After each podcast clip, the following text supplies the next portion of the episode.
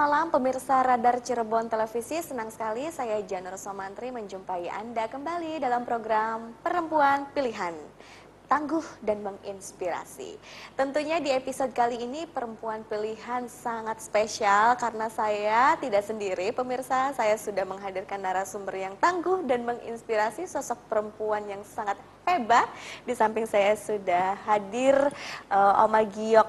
Mungkin kalau masyarakat kenalnya Ibu Giok ya? Iya, ke masyarakat mengenal saya Ibu Giok. Sebenarnya saya sih namanya sih Indrawati. Iya. Tetapi dulu lagi lahir saya namanya Goyang Giok. Kemudian dengan adanya peraturan pemerintah harus mengubah nama, -huh. saya menjadi namanya Indrawati. Tapi Indrawatinya habis dimakan sama waktu semuanya tetap manggilnya Ibu, Ibu Giok, Giok, Tante Giok, Oma Giok, Eyang Giok. Termasuk ya. aku, aku manggilnya Oma Giok karena aku ya. udah merasa ada Kita terima kita saja. hmm. Apa pun orang manggil kita ya, karena ya. memang yang Oma senangnya dipanggil Giok apa dipanggil Indrawati nih? Siapa saja boleh panggil. Apa saja nama. Yang yang penting kan gini. Yeah apa nama itu membawa buat kita apa gitu. Uh -huh. Itu yang penting. Oke. Okay.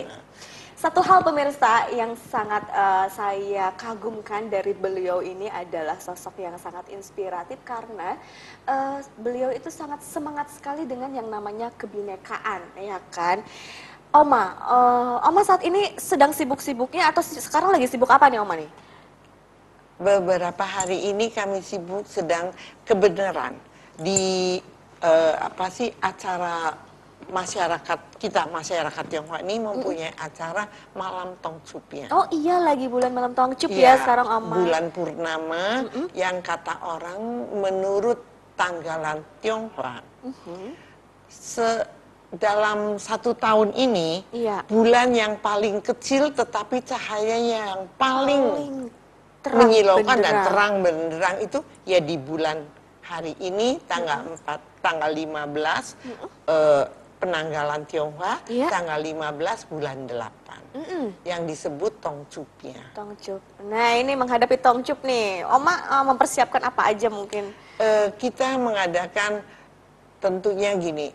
Uh, di tiap wihara mm -hmm. mereka mengadakan acara mengenai Tongcupnya. Iya. Yeah di seperti yang sekarang ini yang saya tahu nanti malam ada di acara di Wihara Bun Santiong di Jalan Kanoman, iya. Tangkolan itu, di tikungan itu mereka akan mengadakan acaranya kumpul bersama mem, mem, menceritakan mengenai kehidupan masing-masing dengan sambil makan tong supnya di bawah terang bulan. Waduh, itu luar biasa sekali ya momen teh dan makan ini. Untuk besok, kebetulan PSMTI Paguyuban Sosial Marga Tionghoa ya. bersama masyarakat Tionghoa Cirebon ya. mengadakan acara Tong Supia juga. Hmm. Tetapi acara Tong Supia ini acara ada cuci kaki di mana anak muda mencuci kaki orang tuanya ya. sebagai ucapan rasa berterima kasihnya ya. karena mereka telah dibesarkan mm -hmm. melalui kaki-kaki ibu-ibu ini hmm. yang bekerja keras untuk membesarkan anak-anaknya. Dan ucapan terima kasih itu nanti kalau sudah selesai cuci kaki, hmm. mereka juga akan makan bersama-sama tongcupnya. Waduh. Di bawah terang bulan juga. Luar biasa ya Oma ya, tentunya diisi dengan aktivitas-aktivitas yang sangat bermakna sekali untuk kehidupan kita, ya, sangat mulia sekali ya. Betul. ya. Nah, uh, Oma bicara tentang kebinekaan negara kita ini kan uh, banyak suku, berbeda suku, berbeda keyakinan. Oma salah satu sosok yang memang saat ini masih semangat dalam bidang kebinekaan, mempersatukan perbedaan. Apa yang memotivasi Oma untuk terjun ke bidang sosial seperti ini, Oma? Begini, saya lahir di kota Cirebon. Iya. Saya besar di kota Cirebon saya berusaha di kota Cirebon dan saya sudah biasa karena kami dari anak pembatik. Yes. Orang tua saya dari dulunya membatik. Mm -hmm. Dan batiknya itu tadinya ada di rumah di yeah. Kanoman. Uh. Selama ini kita sudah biasa bergaul dengan anak-anak tukang batik, dengan anak apa, sehingga di dalam hati saya saya tidak pernah merasakan suatu perbedaan. Hmm. Saya selalu merasa bahwa kita ini satu. Yuk makan bersama-sama. Yuk kita eh, hidup bersama saling membantu. Hmm. Beberapa banyak juga orang tua saya menyekolahkan anak-anak tukang batik itu. Hmm. Begitu juga saya. Ya. Saya juga pernah menyekolahkan anak-anak tukang batik yang memangnya susah hmm. ya kita bantu ya, gitu. Nah, saya juga memperluas lagi karena kita juga dengan agama yang berbeda. Hmm. Kita juga tidak boleh uh, merasa bahwa kita lebih, lebih kita baik. lebih gitu. Hmm. Tidak ini semuanya sama. Untuk itu makanya kalau di bulan puasa, iya, Oma. saya selalu membagi untuk mereka-mereka yang sedang berpuasa. berpuasa. Kemudian kita juga bekerja uh, untuk polisi-polisi yang menjaga di pos-pos keamanan. Iya. Malam-malam kita jalan. Mm -hmm. Jam 12 malam kita bagi-bagi makanan kepada mereka. Mm -hmm. Kemudian kita juga selalu soan Ya. Semua ke pesantren. Biasanya pesantren yang selalu saya soanin, mm -hmm. buntet. Pesantren buntet itu. Pesantren buntet. Pesantren kempek. Mm -hmm. Kemudian pesantren balerante yang baru-baru ini aja Kiai Anomnya baru-baru aja pupus, meninggal, iya. baru mm. meninggal. Kemudian juga ke Kiai Imam Ulhak. Iya. Ya. Yang di Kadipat Jatiwangi. Iya. Mm -hmm. Itu Jati diwaringin, Jati diwaringin juga dengan uh, Kiai Nurjaman juga. Ya, Jadi kita sudah banyak sekali mencontohkan kepada mereka dan saya kalau membawa tidak saya sendiri. Okay. Saya selalu membawa juga anak-anak muda. Mm -hmm. Yuk kita lihat bagaimana kehidupan bersama bersatu itu indah, indah sekali ya. ya Oma. Indahnya kita kita berbicara dengan kiai, kita hmm. ngobrol dengan kiai hmm. hmm. enak. Malahan saya lebih-lebih lagi kalau saya bawa tamu kadang-kadang saya suka bilang sama Kiai Usama iya. uh, yang di Pebedilan, iya. saya suka bilang gini sama Pak Kiai Usama, Pak Kiai manganin kanabela. saya suka bilang gitu. Loh, engkau pengen manganin kanabela, Bu? Iyalah, Pak Kiai, Pak Kiai yang masak bela engkau kita mangani karena be. Rombongan tamu-tamu eh. Aduh alhamdulillah gelem mangani kene. Iya. dia bilang gitu. Ya saya bilang lah kan sama aja. Saya bilang uh, gitu. Hmm. nanti kalau kita, saya pergi ke Buntet. Kebenaran di pesantren Buntet habis tanam kentang-kentang yang gede-gede. Uh, uh. itu akan apa? Tan apa sih kayak kacang tapi kentang isinya kentangnya kecil-kecil uh -huh. tetapi enak sekali okay. nah nanti kita tuh sama-sama ikut babutin kentang. Oh gitu ya. Uh, terus Jadi kebersamaannya itu ya Oma ya. Terus nanti Pak Kiainya bilang gini, eh Bugil pengen juguti kentang pen gawa beli nih umah kalau pakai bahasa Jawa yeah, gitu. Yeah. Mangga kalau dikasih ya saya mau. Nanti diwadah-wadahin di kantong plastik. Begitu senangnya saya dengan kiai-kiai yeah. yang di Kempek juga. Kita selalu uh, bekerja sama gitu. Pak Kiai butuh apa? Uh, anu loh nanti kalau umpamanya itu kalau ada ada katarak operasi katarak biar di sini aja. Ya wes nanti aturin gitu. Baik tentunya indahnya kebersamaan itu, itu tidak bisa bener. ditukar oleh uh, nilai apa pun, apa pun ya Oma. Baik Oma, tentunya masih kita akan berbincang mengenai semangat kebinekaannya Oma Giok di sini. Dan pemirsa juga jangan ke mana-mana, tetap bersama kami di Perempuan Pilihan karena kami akan segera kembali setelah yang satu ini.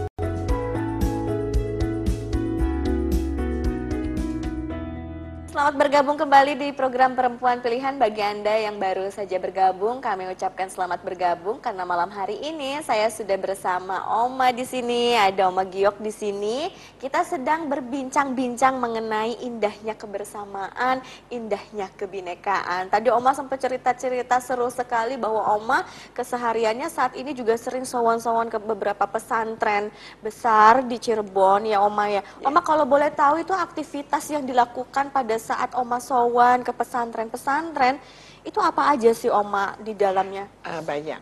Kadang-kadang kita kayak kemarin dulu ada haul. Ya. ya. Hmm.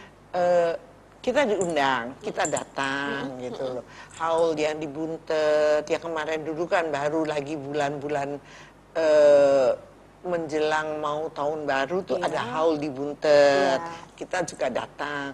Pokoknya kalau ada undangan dari pesantren-pesantren di mana kita bisa hadir, saya akan hadir. Iya, Oma. Karena saya juga tidak tidak terbatas kepada haul-haul aja, kita juga bekerja sama umpamanya eh, seperti yang kemarin dulu saya pernah bilang, barangkali ada yang mau eh, belajar bahasa Mandarin. Iya, Oma. Saya juga bicara dengan pesantren-pesantren. Iya, Oma. Kemudian juga eh, saya juga tidak pernah kalau umpamanya pesantren mengundang, begitu saya ada waktu kita pergi. Langsung pergi begitu ya, Oma ya. Saya selalu mengutamakan sekali itu ya. kebersamaan itu yang utama. Iya. Karena di kebersamaan itu kita menjadi sebagai satu saudara. Kita saling mengerti, kita Iya. saling mengenal. Betul. Tanpa kita datang, tanpa kita mengenal, kita nggak tahu bagaimana dia, bagaimana saya. Iya, iya. Di situ tidak ada chemistry pada akhirnya kalau misalkan kita tidak pernah bisa berusaha mengupayakan untuk saling mengenal Iya. gitu ya. Kalau sudah kenal kan rasa saling menghargai, rasa cinta, rasa sayang begitu ya Betul. antara sesama saudara kan akan timbul ya, Iya, Oma ya. Hmm, oke, Oma. Oma, eh, tentunya kan eh, apa namanya? Apa yang semangat yang Oma kobarkan saat ini tentunya kita harapkan itu juga dapat menyebar ke segala penjuru anak muda zaman sekarang gitu karena memang tidak semua anak muda juga belum sadar akan nasionalisme begitu akan rasanya kebersamaan. Nah, ini mungkin uh, upaya-upaya Oma untuk menyebarkan energi positif itu seperti apa Oma saat ini? Eh, seperti sekarang ini, saya juga membawakan kalau umpamanya sekarang kan ada suatu pelita. Pelita itu pemuda, Pemuda. dan pemuda lintas agama. Jangan-jangan itu Oma yang membuat Tidak, bukan bukan kumpulannya? saya. Bukan, Oh, bukan memang saya. sudah ada sebelum- Sudah ada dulu. Itu dimulainya dengan Pak Kiai Marzuki Wahid. Oke, Pak Kiai Marzuki Wahid itu. Kemudian juga ada Fahmina. Mhm. Ya. Dan kita juga kalau umpamanya dengan anak-anak muda itu kita bersatukan gini. Setiap bulan tuh ada pertemuan pelita dengan dengan Famina itu. Pelita, Famina, Isif gitu Isif. eh, bertemu dengan anak-anak muda dari gereja-gereja. Oh. Dari gereja-gereja muda seperti dari gereja GBI. Iya. Ya, anak-anak mudanya nanti dari Fahmina soan ke sana. Mm. Kita cari tempat, yuk kita sama-sama. Wong kita cuma duduk, kita ngobrol-ngobrol Iya, ya. iya. Kemudian kita saling bercerita, saling eh, ya makan sih hanya sekedarnya aja. Oh cuma sapu digoreng aja kok makannya. Juga Iya. nggak nggak banyak-banyak, nggak nggak model-model gitu ya. Terusnya juga yang baru-baru ini saya himpun pada waktu bulan puasa. Ibu Gus Dur kan datang. Iya. Ibu Gus Dur kan akan memberikan tausiah di Cirebon. Itu saya pertama kali saya membawa anak-anak muda dari mulai gereja, dari mulai pesantren, semua saya semua menjadi panitia dan Wah, saya luar akan biasa, diam. Oma. Saya hanya menjadi Mandor di situ. mandor. Nah, mereka yang bekerja Ya. sehingga betul-betul eh, rasa kebersamaan itu ada di bulan puasa itu. Hmm. Itu Ibu Gus Dur aja sampai bilang, aduh Bu Giok hebat sekali katanya. Karena kita juga ada pengajian di wihara. Wah, Saya- luar biasa. Wah, Itu anak muda yang mengaji, di wihara mengajinya. Iya, Untuk iya, pembu- buka sahur, semua dipegang oleh anak-anak muda.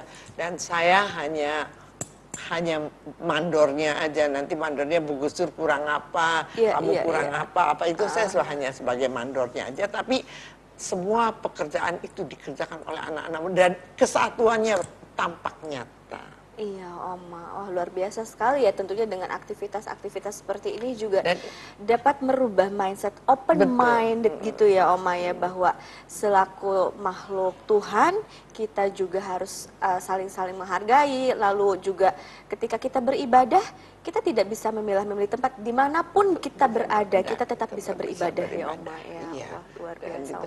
Dan penutupannya juga kita juga bikin untuk penutupan acara apa eh, penutupan sesudahnya Ibu Gus Dur selesai saat surat pengajian pen- itu? Iya, iya. Penutupannya juga kita juga bikin penutupan anak-anak muda semua kita undang. Iya. Kita bikin makannya bancakan. Wah, bancakan tuh yang di atas daun itu ya, iya, Oma ya? ayo bancakan. Jadi kalau bancakan boleh duduk di mana aja, makannya di mana aja, namanya juga bancakan. Iya, Oma. Oma, Kita bikin bancakan. betul sekali. Nah, tentunya Oma besar sekali punya harapan dan cita-cita dengan apa yang Oma lakukan saat ini dengan semangat yang Oma sebarkan kepada anak-anak muda saat ini. Apa sih sebetulnya cita-cita Oma yang yang paling Oma inginkan gitu dengan adanya kebinakaan? Saya sedih mendengar Papua seperti itu aja saya sudah Ya, sedih. kasus Papua gitu Kasus di negara Papua kita aja saya itu. sudah sedih sehingga saya bilang sama anak-anak muda, yuk kita satukan tekad kita karena kita ini besar di sini, jangan sampai negara kita ini terpecah belah. Ayo bagaimana caranya? Tentunya kan jangan hanya karena faktor keagamaan atau faktor yang saya dengar di Surabaya karena ngomong Kebencian, bau ujaran apa ujaran-ujaran kayak itu kita tutup semuanya. Cirebon jangan ada seperti itu. Iya, Yuk kita sampai. samakan. Kita derap kaki kita, kita samakan. Hmm. Kita satukan karena NKRI ini sudah tidak bisa dipupus oleh siapa pun. NKRI harus Hmm. Harga satu. mati ya, Harga Oma, ya. mati dan kita harus bersatu. Iya. Kita harus bersatu Tanpa bersatu tidak akan tidak tercipta akan NKRI. NKRI. Jadi hayo, hayo kita satukan. Yuk anak-anak muda kita bagaimana caranya. Hmm, Itu yang selalu saya harapan dari anak-anak muda. Jangan terpecah belah, jangan terpecah belah. Memang kadang-kadang kalau umpamanya ada undangan-undangan dari Pelita atau dari ISIF atau dari Fahmina. Kadang-kadang ya maklum, saya kan umurnya kan eh, 50-nya plus plus plus tujuh- plus. 17 tahun loh Oma semangatnya. Plus plus plus plusnya gitu. Pengen punya semangatnya 17 tapi umurnya 60 plus plus Plus, plus. plus, plus, plus, plus. Jadi kan repot juga. Jadi kalau udaranya udah malam, ah, saya nggak berani pergi. Iya, iya.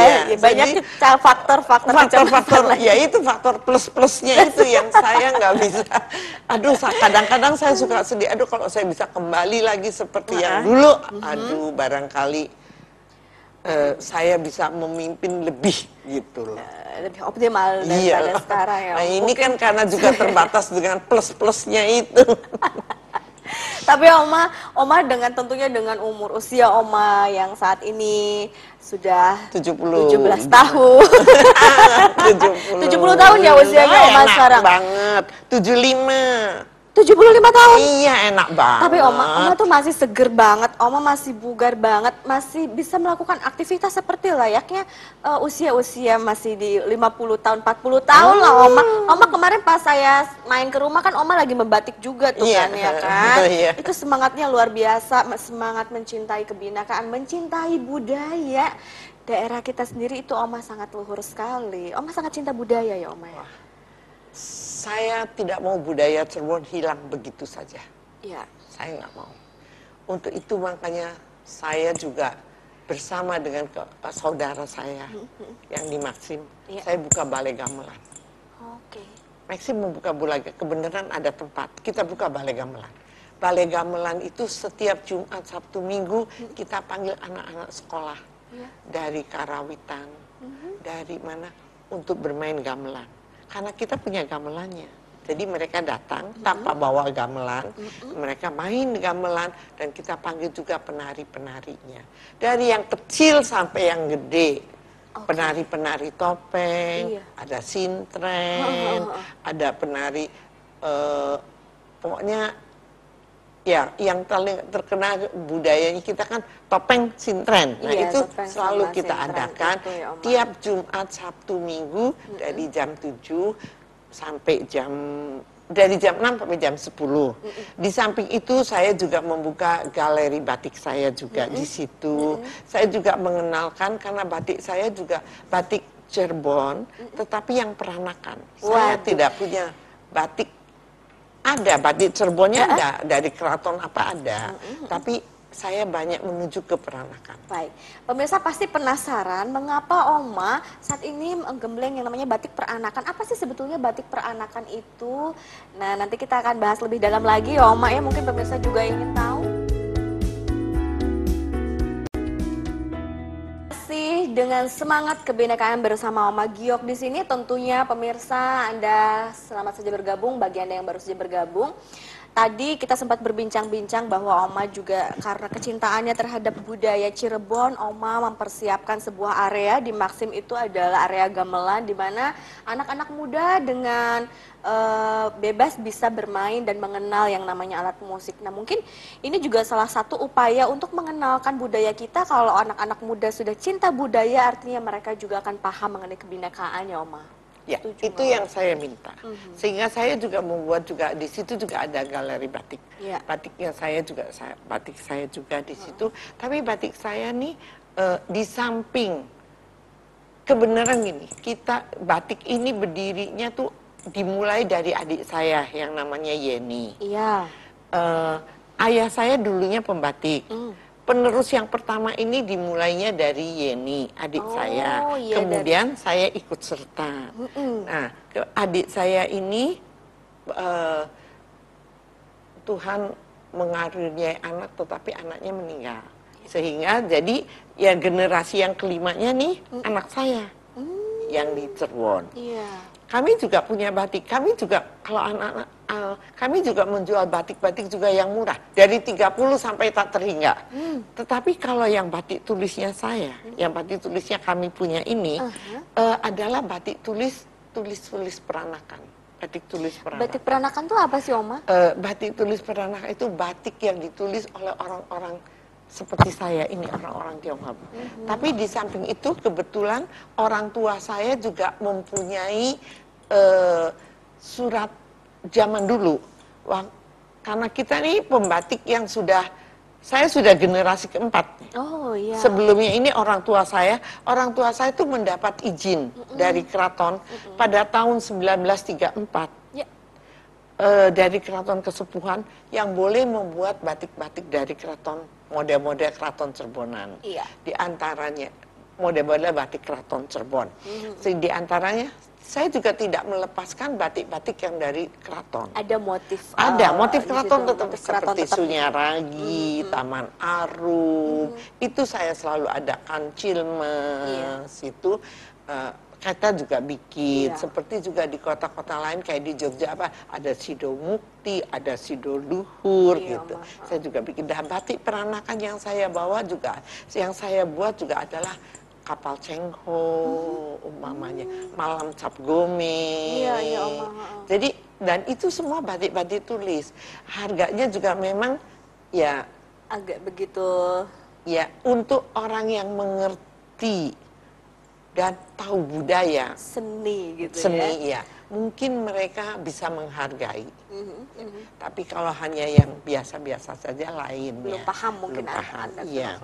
itu filosofinya apa sih Oma dari batik tulis peranakan batik peranakan itu, boleh diceritakan nggak ah, batik peranakan itu batik yang zaman dulu orang-orang Tionghoa zaman dulu tuh tidak mudah membuat batik sembarangan dari mode-mode yang keratonan. Iya iya. Dan juga uh, kita nih satu-satunya di Cirebon yang batik peranakan itu cuma saya karena orang Tionghoa yang membuat batik, yang membuat batik, batik loh ya. Iya. Cuma saya, mm-hmm. cuma dari keluarga saya. Iya, iya. Yang lain sudah dulu memang ditulis banyak, tetapi alah akhir-akhirnya tidak ada yang meneruskan dan kita aja yang meneruskan. Hmm. Sehingga kita pada tahun 1934 yaitu diberi surat hmm. dari keraton kesepuhan. Hmm, untuk lisensnya itu iya. untuk dapatkan batik uh, uh, apa motif-motif keraton. Iya. Jadi sebetulnya di balik semua motif batik peranakan itu ada makna perjuangan di situ ya iya. Oma ya. Iya gini, karena batik-batik peranakan itu uh, batiknya agak lain gitu loh. batiknya tuh ya gimana ya? Ya kayak peranakan punya kayak warnanya, modelnya mm -hmm. gitu loh. Jadi uh, mungkin warna dan model lebih ada mendominasi. Si ke uh, ke warna-warna Tionghoa ya. Tionghoa ya, Oma ya lebih cerah uh, begitu. Uh, mungkin warna-warna merah, biru, hmm. kuning hmm. karena kan hijau itu kan biasanya itu orang-orang Tionghoa tidak luput dari warna-warna itu. Iya. Karena merah kegembiraan, kuning Semangat. kejayaan. Iya, iya, begitulah hijau kesuburan Oh, ya uh, selalu ada, ada makna filosofi balik ada warna maknanya itu ya. iya.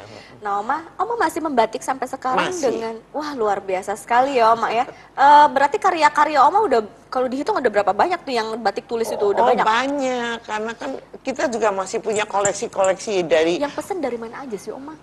Batik Eh, tulisnya Oma itu? biasanya orang yang mengerti budaya Ya, dan yang seniman-seniman mengerti gitu ya. seniman-seniman iya itu biasanya dari Jakarta Mm-mm. Udah go internasional belum, Oma?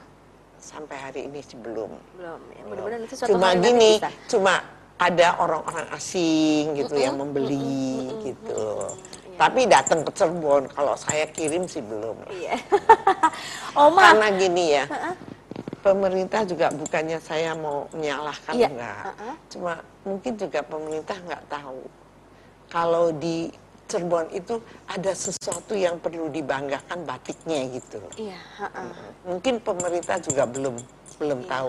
Baru kemarin saya didatangi dari perdagangan dan mereka melihat dan mereka bilang kok lain ya batiknya, Emang lain. Dan batiknya itu punya cerita. Iya ya, itu sesuatu Batik yang peranak, unik. batik peranakan itu selalu ada cerita. Jadi tidak hanya membuat saja, ada cerita. Makanya kenapa saya bikin soal kapal kok ada kapal cengko yang saya buat. Hmm, Nah itu ada cerita di balik itu ya. Iya, kan itu kan Cengho kan apa? Cengho kan ke Admiral Cengho yang pertama yang membawa Kaum kaum etnis, kaum aha. eh, membawa Serdadu. sehingga ada perkawinan-perkawinan sehingga di kota Cirebon ini yang disebut ngomong orang Tionghoa asli juga nggak bisa dibilang Dibilang asli, karena sudah Iya. bercampur semuanya, iya ya. pribumi juga bisa dibilang nggak bisa pribumi asli Iya, iya, karena iya. kan karena dengan adanya kapal Cengho yang sering mendarat di kota Cirebon eh, menurut filolog dari Pak Opan tujuh kali Cengho menda- eh, datang ke kota Cirebon ini dan mereka membawa pasukan yang begitu banyak. Kadang-kadang pasukan itu kalau sakit apa kan ditinggal dulu Iya. kan dan ditinggal akhirnya mereka menikah, Menikah dengan, dengan penduduk pribumi. setempat itu. Iya. Nah itu makanya kenapa ada mereka pada bisa bikin tahu, bisa bikin apa itu kan juga Iya, iya. pelajaran dari mereka-mereka. Nah, Kita se- sebenarnya kita nih di Cirebon sudah bercampur. Iya sudah melebur Sudah semuanya. melebur jadi satu. Dari gennya, genetiknya mungkin eh, dari budaya juga. dan iya, dari sebagainya. makanan, dari semua tuh udah menyatu. Iya, iya betul. Oma, Oma tentu eh, apa namanya dengan usia Oma yang seperti ini, Oma masih bisa membatik, Oma masih bisa semangat. Mungkin pemirsa juga, waduh ini apa sih tip and triknya untuk bisa tetap semangat dengan berbagai macam aktivitas gitu, sosial, budaya.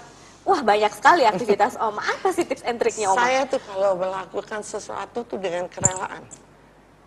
Tanpa pamrih. Ya. Jadi saya tidak pernah saya tidak pernah meminta, ah nggak ada duitnya ngapain? Enggak. Kalau saya mau bantu orang, saya bantu. Kalau saya tidak mau bantu orang, saya bilang saya tidak bisa bantu. Oke. Itu, itu yang selalu. Dan saya selalu eh, tidak pernah punya rasa gimana ya?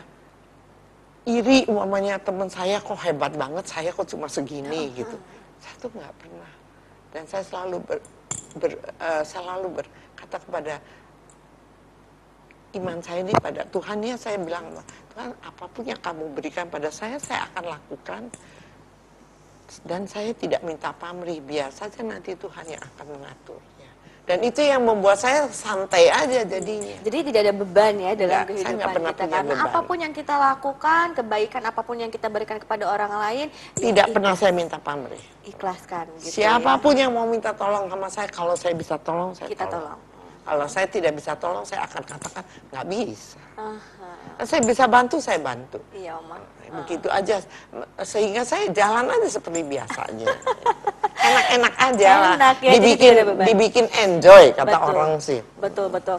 Nah Oma, ini kan kalau kemarin kan justru sempat jalan-jalan juga tuh di butiknya Oma ya kan. Memang batiknya itu pemirsa eh, dia punya motif ciri khas yang berbeda dengan batik-batik kecerbonan. Tapi memang ada motif kecerbon di situ. Cuman Iya. memang kita lebih dominan di eh, warna ya lebih Iya. ter- lebih cerah Iya. begitu ya Oma. Terus eh, model juga Iya, mungkin ada, ada. banyak. Apa namanya baju apa kalau di Tionghoa Oma yang model-modelnya Cheongsam. Chongsham gitu ya. Jadi model-modelnya juga lebih ke model Chongsham kayak gitu. Oma tidak berpikir untuk lebih uh, mengembangkan bisnis Oma gitu? Uh, ya tentunya tentunya pengen gitu ya. Tetapi biarkan anak-anak muda saja, anak-anak saya yang akan mengembangkan. Mm. Nah, kalau saya mah udah umur segini, udah jangan macem-macem. Iya Oma. Eh, ngomong-ngomong uh, Oma, um, baik Oma. Nanti uh, kita akan berbincang-bincang mengenai aktivitas keseharian Oma, rutinitas. Apakah uh, mungkin nanti ada aktivitas yang bisa menjadi inspirasi untuk pemirsa? Tentunya pemirsa Anda juga jangan ke mana-mana, tetap bersama kami di Perempuan Pilihan.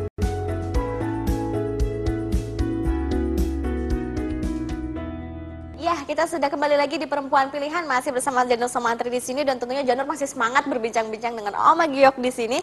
Oma, uh, tentunya Oma uh, sering dong melakukan aktivitas atau rutinitas di keseharian Oma yang mungkin bisa menjadi inspirasi ya kan untuk kita semua sebagai kaum perempuan agar tetap terlihat uh, bugar, segar seperti Oma dan tentunya masih bisa beraktivitas sangat energik seperti Oma. Oma biasa ngapain aja sih di rumah Oma saat ini? Kalau pagi jam 5 saya bangun mm -mm. tentu dimulai dengan doa. Itu kan sudah biasa ya. Itu wajib. Ya, Kemudian ya. sesudahnya itu kalau hari Senin, Senin ya. Rabu. Senin Rabu. Senin Rabu tuh saya tai chi. Tai chi. Tai chi seperti apa, Tai chi itu uh, gerakan di wihara sebelahnya wihara Welas Asih uh -uh. di lapangan itu sesuatu gerakan pernafasan dan olahraga olahraga pernafasan olahraga sebenarnya pernafasan. dan olahraga juga untuk tulang otot, tulang otot, tulang, otot, tulang ya. gitu ya. Oma seperti senam uh -uh. tetapi agak lain gitu. Satu gerakan aja deh Oma. Uh, Contohnya kayak gimana? Satu gerakan yang seperti biasa yang kayak simple. senam, uh -uh. cuma kan dengan uh, dengan tai chi ini seperti umamanya kita oh, ini menggibas-gibaskan ya, ruas-ruas jari keluar ya. ya. Jadi otot-otot kita kita uh dilatih kemudian gini uh terus ini. Itu melatih ini juga ya iya, uh, otak kita. otak, nah, gitu. Luar biasa. Itu otak-otak itu mungkin salah satu salah, salah satu, satu satu jam itu Budi. Selama satu jam selama siap satu, Senin dari jam 6 sampai jam 7 Aduh, Mas selalu lakukan itu sih ya. Kemudian kalau udah jam 7 biasa minum-minum lah, makan-makan kue, kayak gitu. Terus ke pasar Oh gitu ya Om ya kesehariannya. Pulang pasar ke rumah ngecek, ngecek kan ngecek toko, batik gitu ngecek gitu batik, ya. ngecek apa. Udah selesai semua, ya mulai dengan aktivitas ada telepon, Bu mau minta tolong anu, yo, Bu mau minta diantar ke Kayak anu. kemarin Janur, Oma, Oma masuk perempuan pilihan Oma. Bu, yeah. nanti ini ada yang masuk rumah sakit, temen dari mana gitu, yuk jam berapa kita tengok, kayak gitu aja Mbak. Itu untuk Senin, kalau rutin itu. Kalau hari Selasa, saya dulunya renang. Iya. Tapi ini Oma atlet bukan dulu ya? Enggak. Kirain atlet. Enggak, enggak. Jadi Oma masih seneng masih, berenang sampai masih. saat ini ya? Tapi sekarang saya lagi diganti dulu. -hmm. Selasa, Jumat, iya, Selasa, Jumat. Selasa, Jumat sama Sabtu, -hmm. saya jalan kaki di Grage City. Puter, dua kali puteran selesai. Wah, luar biasa. Setengah jam aja jalan kaki, uh. tapi jalan kaki santai aja, jangan jangan ngoyok lah, jalan kaki mm -mm. santai, mm -mm. dua kali putaran selesai. Itu rutin ya? Itu rutin. Seminggu dua kali itu ya? Kalau hari Kamis saya pergi berenang. Hmm, hari Kamis berenang ya Oma ya. Oma hari masih Minggu uh sama cucu. Jalan-jalan ya Oma ya. Iya. Oma berenangnya kuat bolak-balik Oma? Uh, lima kali saja. Wow, Ayah saya aja kalah pemirsa ya. Aduh, lu malu sekali ya. Pokoknya saya harus lebih semangat lagi ya kan. Oma aja masih semangat ya oh, iya, olahraganya. Ya, saya harus benar. Intinya apa sih Oma? Uh, disiplin mungkin ya kalau ingin terus sehat uh, bugar seperti Saya rasa iya. Kedisiplinan itu. Tapi kadang-kadang saya juga gini. Kalau umpamanya cucu saya suka bilang gini. -uh. Kan saya cuma punya cucu baru satu. Baru ya. satu ya Oma ya. Oma, Oma. Uh, Kan tuh bingung lu liatin oma pergi-pergi melulu. nah lo cucunya udah bisa ngomong begitu. Itu kerjanya apa aja sih? Ya, saya saya kasih tahu iya, biar iya. dia masih kecil. Saya berikan pengalaman. Oma tuh bantu ini, bantu ini. Kita nih hidup nih nggak bisa sendiri. Jadi dari kecil saya juga sudah ngedidik cucu saya tuh untuk mau nanti berpartisipasi. okay. Nomor satu berpartisipasi dengan teman. Gitu. Iya. Jadi kalau dia membawa makanan gitu tuh, uh, kalau dia pulang dari sekolah, uh, mama oh mi makanannya habis tadi bagiin sama temen ya nggak apa-apa Luar biasa sekali ya, mulia. jadi saya Jadi- harus membelajarkan kepada mereka anak-anak ini cucu terutama cucu saya Iya, iya, iya, iya. saya selalu bilang kita hidup nih harus mau berbagi saya dengan mulainya berbagi Ah, tentunya karena Ma- masih kecil kan nggak ngerti apa-apa Iya betul. Karena kayak aku tahu ya Oma, kalau nanamin karakter itu kan apalagi untuk menanamkan nilai kebersamaan, saling menghargai, saling mencintai antar sesama itu bagusnya sejak dini Sejak ya Oma dini, ya. iya. Sejak eh, si anak ini paham sudah punya teman begitu. Nah itu juga kayak tadi berbagi makanan itu juga Iya. salah satu termasuk kebersamaan juga ya Oma. dan kalau ulang tahun anak saya Heeh. saya tidak pernah mau pesta oh begitu Oma. Dan an- saya bilang gini sama anak-anak saya, saya bilang sama cucu saya, Ken, Ken ulang tahun, yuk kita bikin kue, kita bikin makanan, Iya. yuk kita bagi. Di sana banyak orang-orang yang lebih membutuhkan daripada pesta-pesta ini. Ayo pergi sama oma, Mhm. kebenaran kan di eh, Beringin Bakti gitu kan, Iya. saya kan suka ke Beringin Bakti juga. Karena dulu kan kita kenal baik dengan pimpinannya Ber- Beringin Bakti. Beringin Bakti. Itu kan banyak anak-anak yang buta, banyak anak-anak yang ya yang Yang kurang yang mempunyai kebutuhan khusus gitu. Saya selalu bawa cucu saya ke sana. Mainan cucu saya yang sudah tidak perlu dipakai bungkus semuanya kirim. Di sana anak-anak membutuhkan. Kita sih tidak begitu membutuhkan. itu kan umurnya berapa tahun Oma? Tujuh tahun. Oh tujuh tahun. Tapi kalau misalnya anak itu biasanya sudah bisa me- apa namanya memahami eh, nilai sosial itu biasanya di umur berapa sih Oma? Saya sudah umur lima tahun. Saya Udah bisa dikenalkan dari, sudah dibawa. Dari TK ya. Oh TK ya. Dari TK saya sudah kenalkan gitu loh.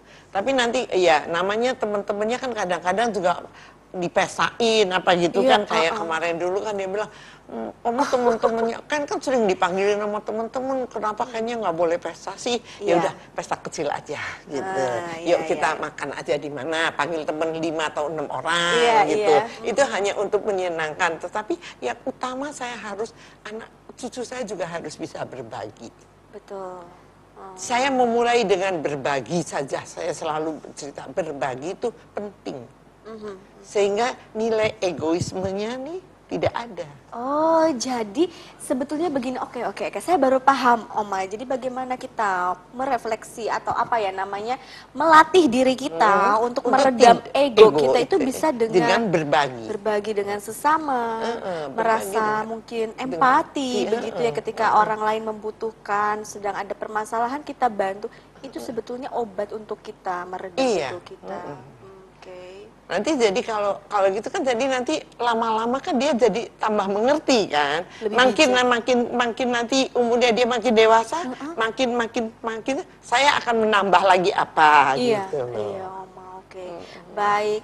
Wah luar biasa sekali ya Oma ya. Tentunya banyak pembelajaran yang bisa Janur dapatkan dari Oma. Bukan hanya Janur, malam hari ini mungkin pemirsa di rumah juga banyak terbuka pemikirannya. Mungkin mulai hari ini juga pemirsa sudah tergerak hatinya untuk lebih eh, apa memperbaiki diri, mencintai sesama yang tadinya nggak pernah bertemu sapa dengan tetangga-tetangga.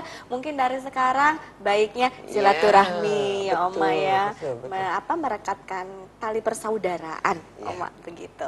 Baik tentunya pemirsa eh, kita nanti akan berbincang-bincang lagi masih mengenai semangat kebinekaan bersama Oma Giok di sini. Anda jangan ke mana-mana tetap bersama kami di Perempuan Pilihan.